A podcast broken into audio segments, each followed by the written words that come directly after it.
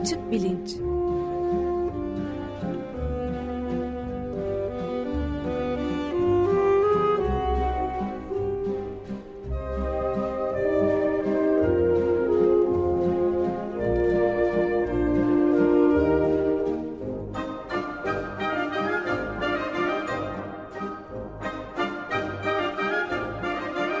Güven Güzeldere ile bilim ve felsefe sohbetleri. Günaydın Güven Bey, merhabalar. Günaydın Ömer Bey. Günaydın. Günaydın Özdeş. Evet, Günaydın bugün arkadaşlar. Ümit Yalçın. bir de konuğumuz var. Siz e, takdim eder misiniz lütfen Ümit Yalçın? Tabii konuğumuz e, felsefeci Doktor Ümit Yalçın. Hoş geldin Ümit. Merhaba. Hoş bulduk arkadaşlar. Merhaba Ümit Bey, hoş geldiniz. Hoş bulduk.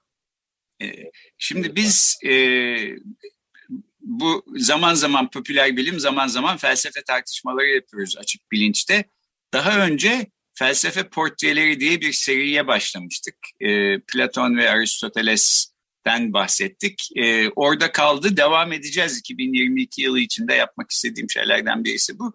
Fakat bir de buna felsefe okulları diyebileceğimiz ya da felsefede düşünce okulları ya da akımları diyebileceğimiz bir başka seri eklemek istiyorum. Bu da o e, seriye bir giriş programı olsun diye düşündüm. Felsefede zaman zaman bazı dönemlerde baskın olan e, düşünce akımları oluyor. Bundan bahsedebilmek için de biraz felsefenin alt alanları nedir? E, ondan bahsedebilmek için de belki felsefe nedir sorusuyla başlamak lazım.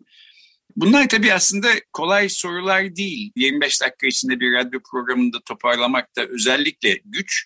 Fakat bu işleri herkesin anlayabileceği bir biçimde Türkçe yapabilecek benim tanıdığım en yetkin isimlerden birisi Ümit Yalçın. Bizi kırmadı geldi sağ olsun. Bu haftaki programı e, gelecek haftada ikinci bir programla sürdüreceğiz aslında. İki haftalık bir program planladık. Ben konuğumuzu kısaca tanıtayım. Ümit Yalçın İstanbul, Rotterdam, Hayfa e, e, dahil olmak üzere dünyanın çeşitli yerlerinde okuduktan sonra İngiliz Ortaokulu ve Robert Lisesi'nin ardından Boğaziçi Üniversitesi'nden mezun oluyor. Arkasından da Kaliforniya Üniversitesi Berkeley'de e, felsefe alanında master ve doktora derecelerini alıyor. 1993'ten beri Kuzey Carolina eyaletindeki East Carolina Üniversitesi'nde felsefe ve din araştırmaları bölümünde öğretim üyesi. Ben de e, Kuzey Carolina'da yaklaşık bir 10 sene kadar Ümit'in okuluna komşu olan bir okulda öğretim üyeliği yapmıştım. Tanışıklığımız, arkadaşlığımız o zamandan. Ümit hoş geldin yeniden. Çok sağ ol. Sağ ol kardeşim, sağ ol. Teşekkür ederim. Şimdi- davetiniz için. Ee, biz teşekkür ederiz. İstersen yani benim e, üstünde konuşmak istediğim ve sonuçta gelecek hafta için ulaşmak istediğim nokta kuşkuculuk denen düşünce akımının ya da düşünce okulunun ne olduğu ve niye önemli bir akım olduğu. Bundan gelecek hafta bahsedeceğiz. Oraya giriş yapmak için önce kuşkuculuğun içinde yer aldığı epistemoloji nedirden biraz bahsetmemiz lazım. Felsefenin bir alt alanı olarak. Ondan önce de belki felsefe nedir? Felsefe ne iş yapar? Bir insan niye felsefeci olur? Felsefeciler hangi sorularla uğraşır? Filan. Sen uzun yıllardır felsefe alanında faaliyet gösteren bir akademisyen olarak bu soruyu bize şöyle bir açık eder misin? Hocam istersen felsefeci olmak fikir dünyasında temizlik işçiliği görevini üstlenmektir diyerek başlayayım. Ondan sonra da e, daha ciddi olarak şöyle devam edeyim.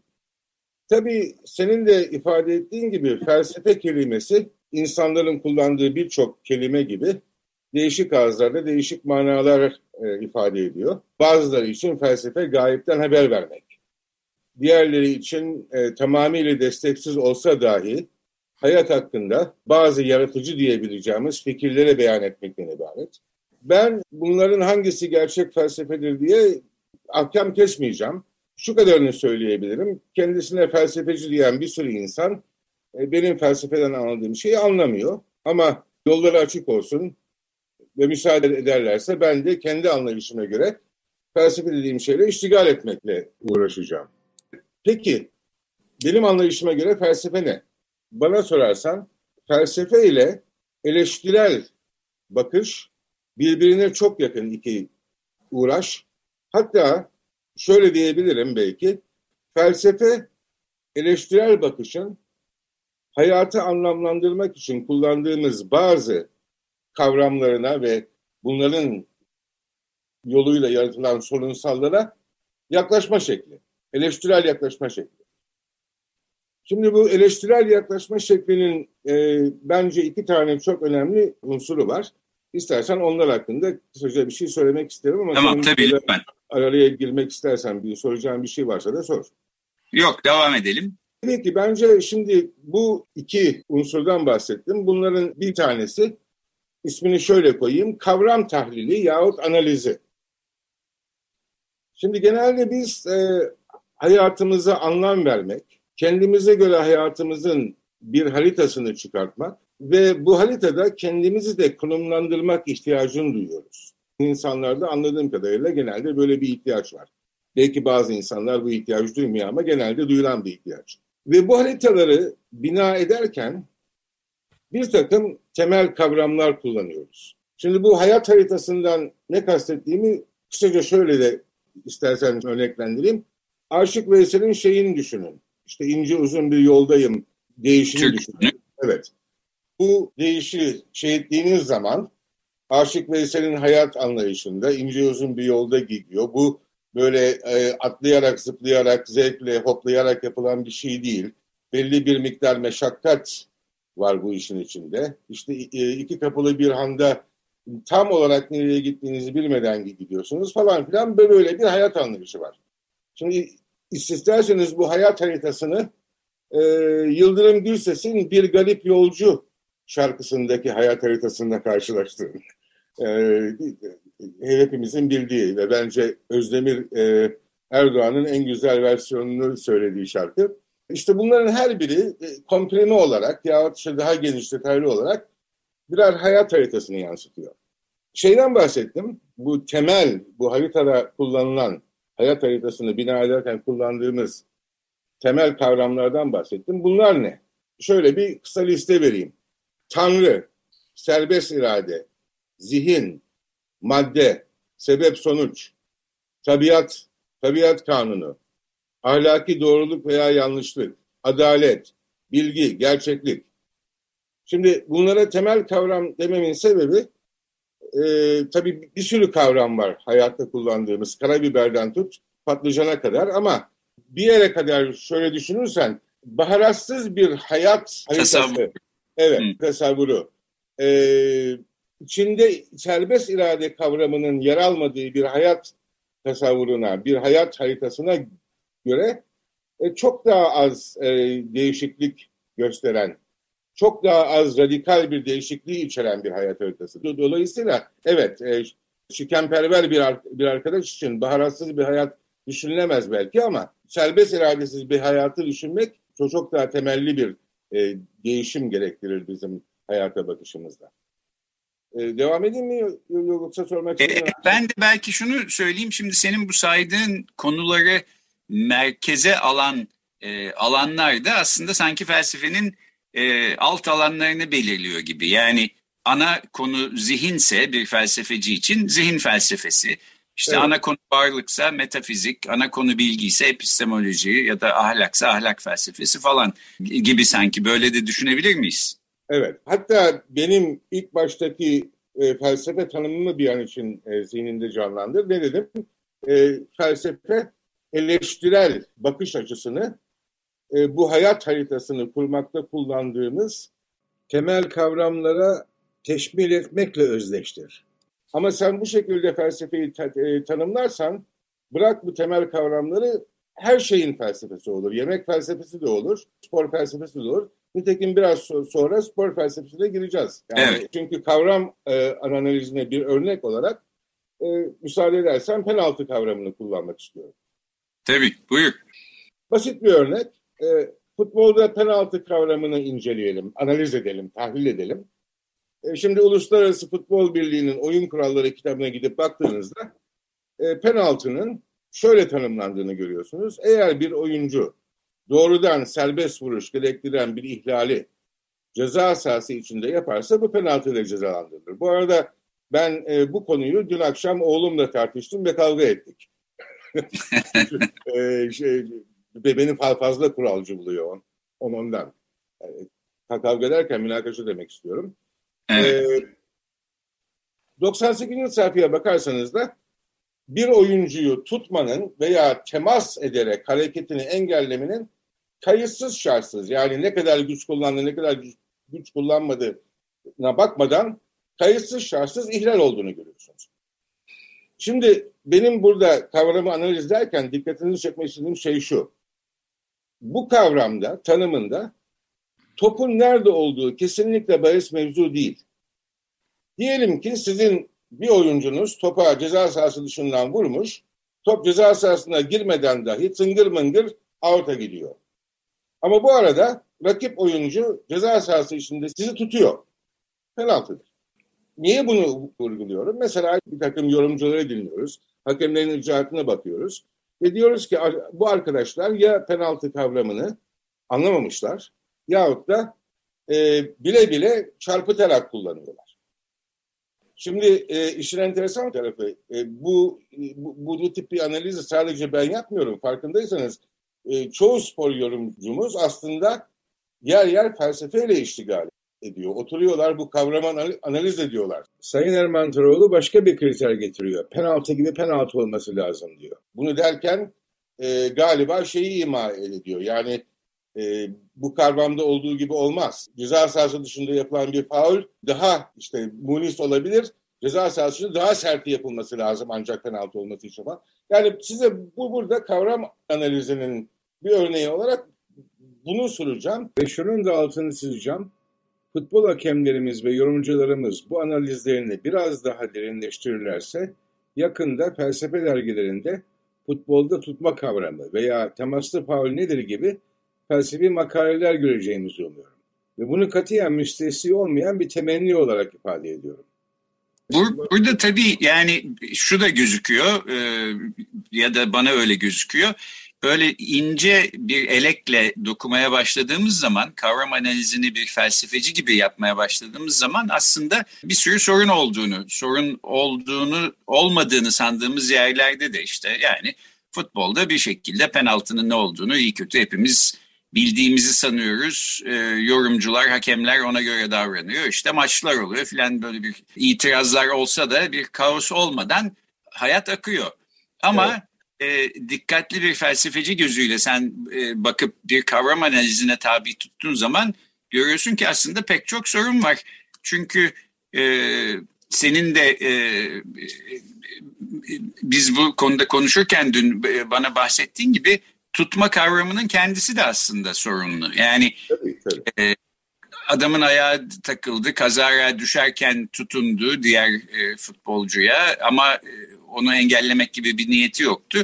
Buna da mı penaltı diyeceğiz? Yoksa e, peki e, belli bir niyetle yapılmış bir davranıştan bahsediyorsak o niyetin olup olmadığına nasıl karar vereceğiz filan yani sorular. Evet, bir... Bu niyeti gündeme getirdiğin anda bizim eylem felsefesi diyebildiğimiz philosophy of action konusuna mesela felsefenin alt dalına evet. girmiş oluyorsun. Bir eylem yapmak nedir? Öğeleri nedir? Ee, işte vücudunun hareket etmesiyle bir eylemin arasındaki fark nedir? Bunun gibi şeylere girmiş oluyorsun tabii. Evet yani hava ısındı terlemeye başladım mesela. Ben bir şey mi eğiliyorum terleyerek? Hayır yani çünkü istesem de terlememeyi beceremiyorum. E, dolayısıyla bunun faili ben sayılmamalıyım diyor bazı düşünürler. Bir niyet olması lazım davranışın arkasında diyor. Fakat niyet olup olmadığına nasıl karar vereceğiz? Filan e, yani sorular çok kısa bir sürede işte penaltıyla da başlasak felsefeci gözlüğüyle baktığın zaman böyle derinleşebiliyor diye anlıyorum senin bu söylediklerinden. Ben de küçük bir e, soru ile ilavede bulunabilir miyim izninizle? Şimdi madem penaltı metaforu çok e, ilgi çekici tabii. Şöyle bir şey e, aklıma geliyor. Yani e, mesela yanlış bir karar sonucu farkında olan olarak ya da olmayarak hakemin taraf tutarak ya da tutmayarak verdiği bir penaltı kararını uygulayan bir futbolcunun onun hele kendisine mesela yapılmış bir ya da yapılmamış bir durum varsa ve onun penaltı olmadığını düşünüyorsa kasten topu dışarı atması gibi penaltı vuruşunu kullanarak mesela. Bu e, etik felsefe alanına girebilecek e, önemli bir konu gibi geliyor bana. Ne dersiniz? Tabii aynen. E, bunun doğru bir davranış olup olmadığı, spor ahlakına uyup uymadığı, spor ahlakının veya o oyuncunun bir kontrat imzalarken takımı için üzerine aldığı yükümlülüğün böyle bir harekete müsaade edip etmeyeceği bu karmaşık durumda doğru ve hangi ahlak teorisine göre karar verileceği tabii ki e, e, sizin de e, vurguladığınız gibi e, tam ahlak e, felsefesinin cuk ortasında olan bir sorun. Tabii, tabii haklısınız. Evet.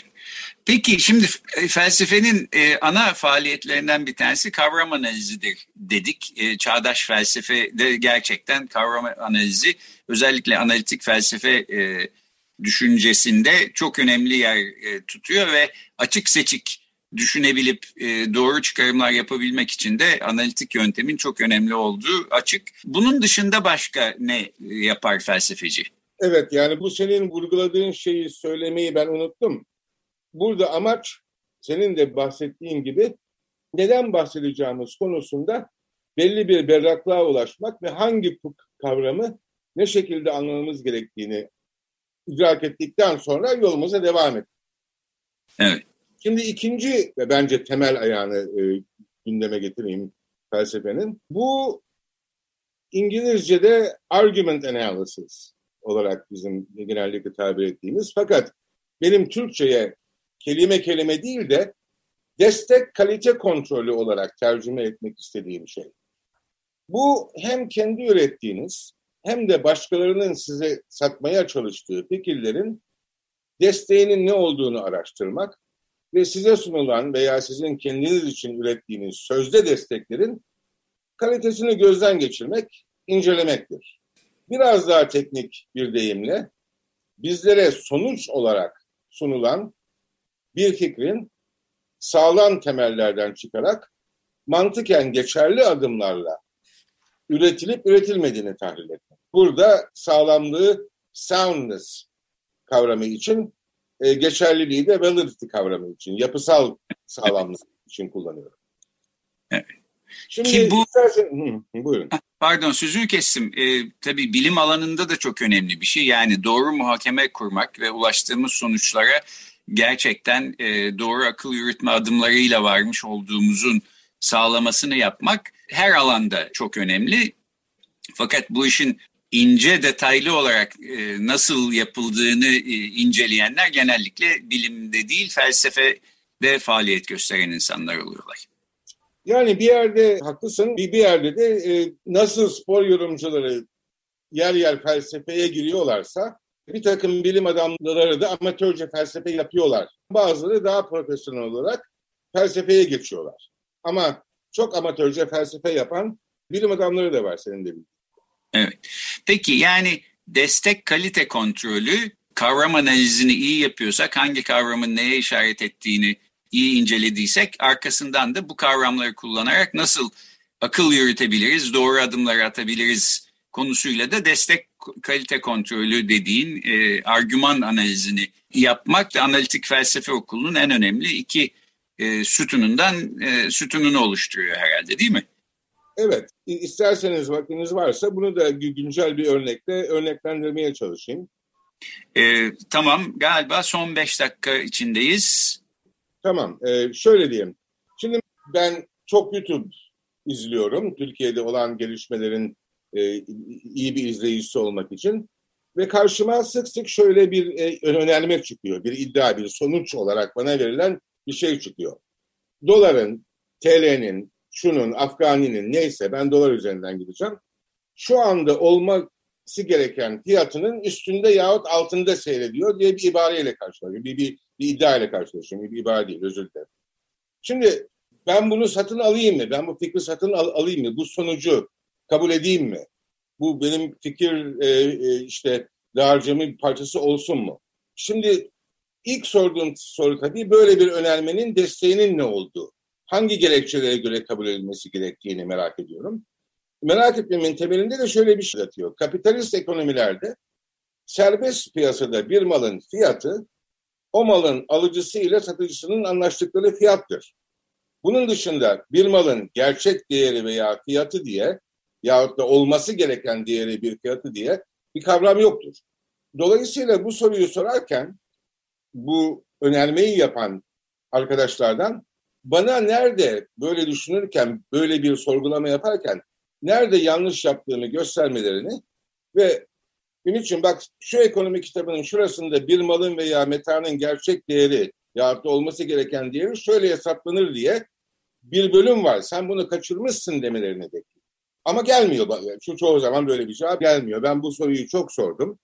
E, iktisatçılardan bir tanesi e, bana şöyle dedi. Bu finansta kullanılan reel efektif döviz kuru hesabına binaen kullanılan bir kavram.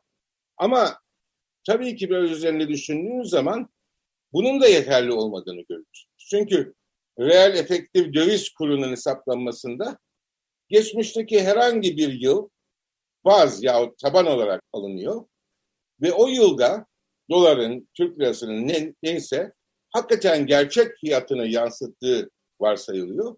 Ondan sonra enflasyonu ekleyerek şu andaki değerinin ne olması gerektiğini hesaplıyoruz.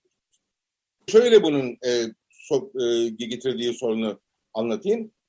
Mesela bu hesabı 2020'de yapıyor olsaydınız ve taban yılını da 2004 yılı olarak alsaydınız doların 2020'de olması gereken değeri şöyle böyle 6.60 dolarlarında çıkıyordu.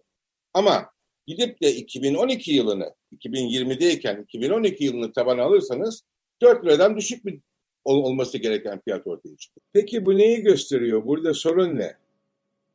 Şöyle, siz hiçbir desteğe dayanmadan doların herhangi bir yılda olması gereken değerinde işlem gördüğünü varsayarsanız, bu hiç de sağlam olmayan temel üzerinden bugünkü değerine ulaşabileceğinizi hayal edersiniz. Ama böyle bir temelin üzerine kurulan bir bina muallaktadır. Bunu şöyle de görebilirsiniz. Eğer doların gerçek değerini bu kadar kolayca hesaplayabiliyorsak, herhangi bir başka metanın gerçek değerini de hesaplayabiliriz. Dolayısıyla benim emeğimin de gerçek değerini hesaplarız. Ben de patronumun kapısına dayanıp emeğimin gerçek değerini almadığımı yüzüne haykırırım. Borsada satan herhangi bir kağıdın da gerçek değerini buluruz. Markette satan zeytinyağının, sabunun, tuvalet kağıdının da. E, dolayısıyla e, e, ben bu fikri satın almam, almadım. Belki yanılıyorum ama umarım e, bu programı dinleyen bir iktisatçı da varsa düzeltir benim hatam. Evet. Peki. Ama benim eleştirel yaklaşımım şu anda bu fikri reddetmemi gerektiriyor. Ben e, şöylece o zaman anlıyorum. E, bir felsefecinin yaptığı, analitik felsefecinin yaptığı en önemli faaliyet aslında e, analiz. Yani kavramları analiz etmek, argümanları analiz etmek ve düşünce e, zincirlerinde bir e, yanlışlık var mı yok mu buna bakarak ulaşılan sonuçların doğru olup olmadığını karar evet, vermek. Evet ama ondan önce desteği sormak. Yani incelemeden evet. önce ya tamam sen bana bunu verdin ama bunun desteği ne demek? Ancak sana destek verilirse sen o destek hakikaten bu sonucu destekliyor mu diye inceleyebilirsin. Pardon sözünü kesin. Evet ve yani bu felsefi faaliyetin yapıldığı alan işte ne bileyim bilimin bir dalıysa o zaman biyoloji felsefesi ya da nörobilim felsefesi ya da fizik Ekonomi felsefesi. felsefesi. Şu felsefe her şey. Ekonomi felsefesi evet yapıyor oluyoruz. Ee, eğer varlıkla ilgili sorular soruyorsak metafizik, bilgiyle ilgili sorular soruyorsak epistemoloji e, yapıyoruz. Gelecek haftada bu programa devam ederek epistemoloji ile uğraşan insanların çok yıllardır, yüzlerce binlerce yıllardır aslında üstünde durdukları kuşkuculuk düşünce okulunun ne olduğunu ve bu konuyla alakalı olarak hangi tür soruları sorduklarını, nasıl cevaplar ürettiklerini incelemeye çalışacağız diyeyim ve böylece bu ilk giriş programını istersen kapatalım. Olur. Ee, e, inşallah penaltı kavramından bu iki metafizikle şeyi çıkartırız. Epistemolojiyi çıkartırız. Evet yani görüldüğü gibi e, futbolun da felsefesi olabiliyor. Her şeyin felsefesi olabileceği gibi. E, bugün konuğumuz e, East Carolina Üniversitesi'nden Amerika Birleşik Devletleri'nden bağlanan e, Doktor Ümit Yalçın'dı. Çok teşekkür ediyoruz Ümit. Ben teşekkür ederim. Sağ olun. Çok teşekkürler. Teşekkür İyi ederiz. Görüşmek üzere. İyi Görüşmek üzere. Hoşçakalın. Hoşçakalın.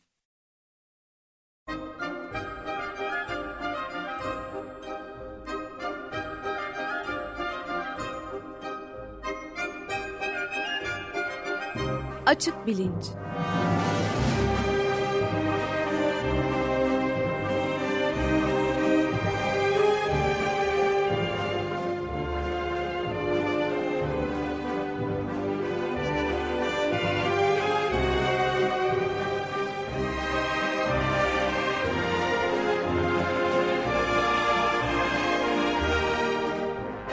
Güven Güzeldere ile bilim ve felsefe sohbetleri.